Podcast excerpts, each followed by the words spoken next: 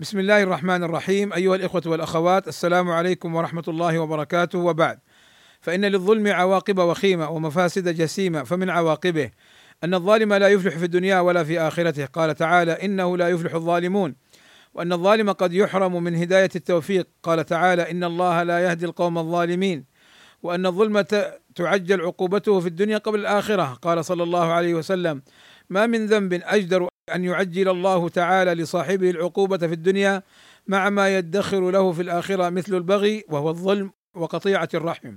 وإن الظلم سبب لعذاب الدنيا وللفقر والذل. وإن الظلم يؤدي إلى إفلاس الظالمين يوم العرض. فالظالم يقتص من حسناته حتى يفلس كما في حديث المفلس ثم يطرح عليه من سيئات من ظلمهم. وإن من عواقبه تحسر وندم الظالمين يوم القيامة. ومن عواقبه سوء حالهم يوم القيامة كما قال ميمون بن مهران رحمه الله تعالى في قوله تعالى ولا تحسبن الله غافلا عما يعمل الظالمون قال تعزية للمظلوم ووعيد للظالم قال أبو العتاهية أما والله إن الظلم لؤم وما زال المسيء هو الظلوم. إلى الديان يوم الدين نمضي وعند الله يجتمع الخصوم. والسلام عليكم ورحمة الله وبركاته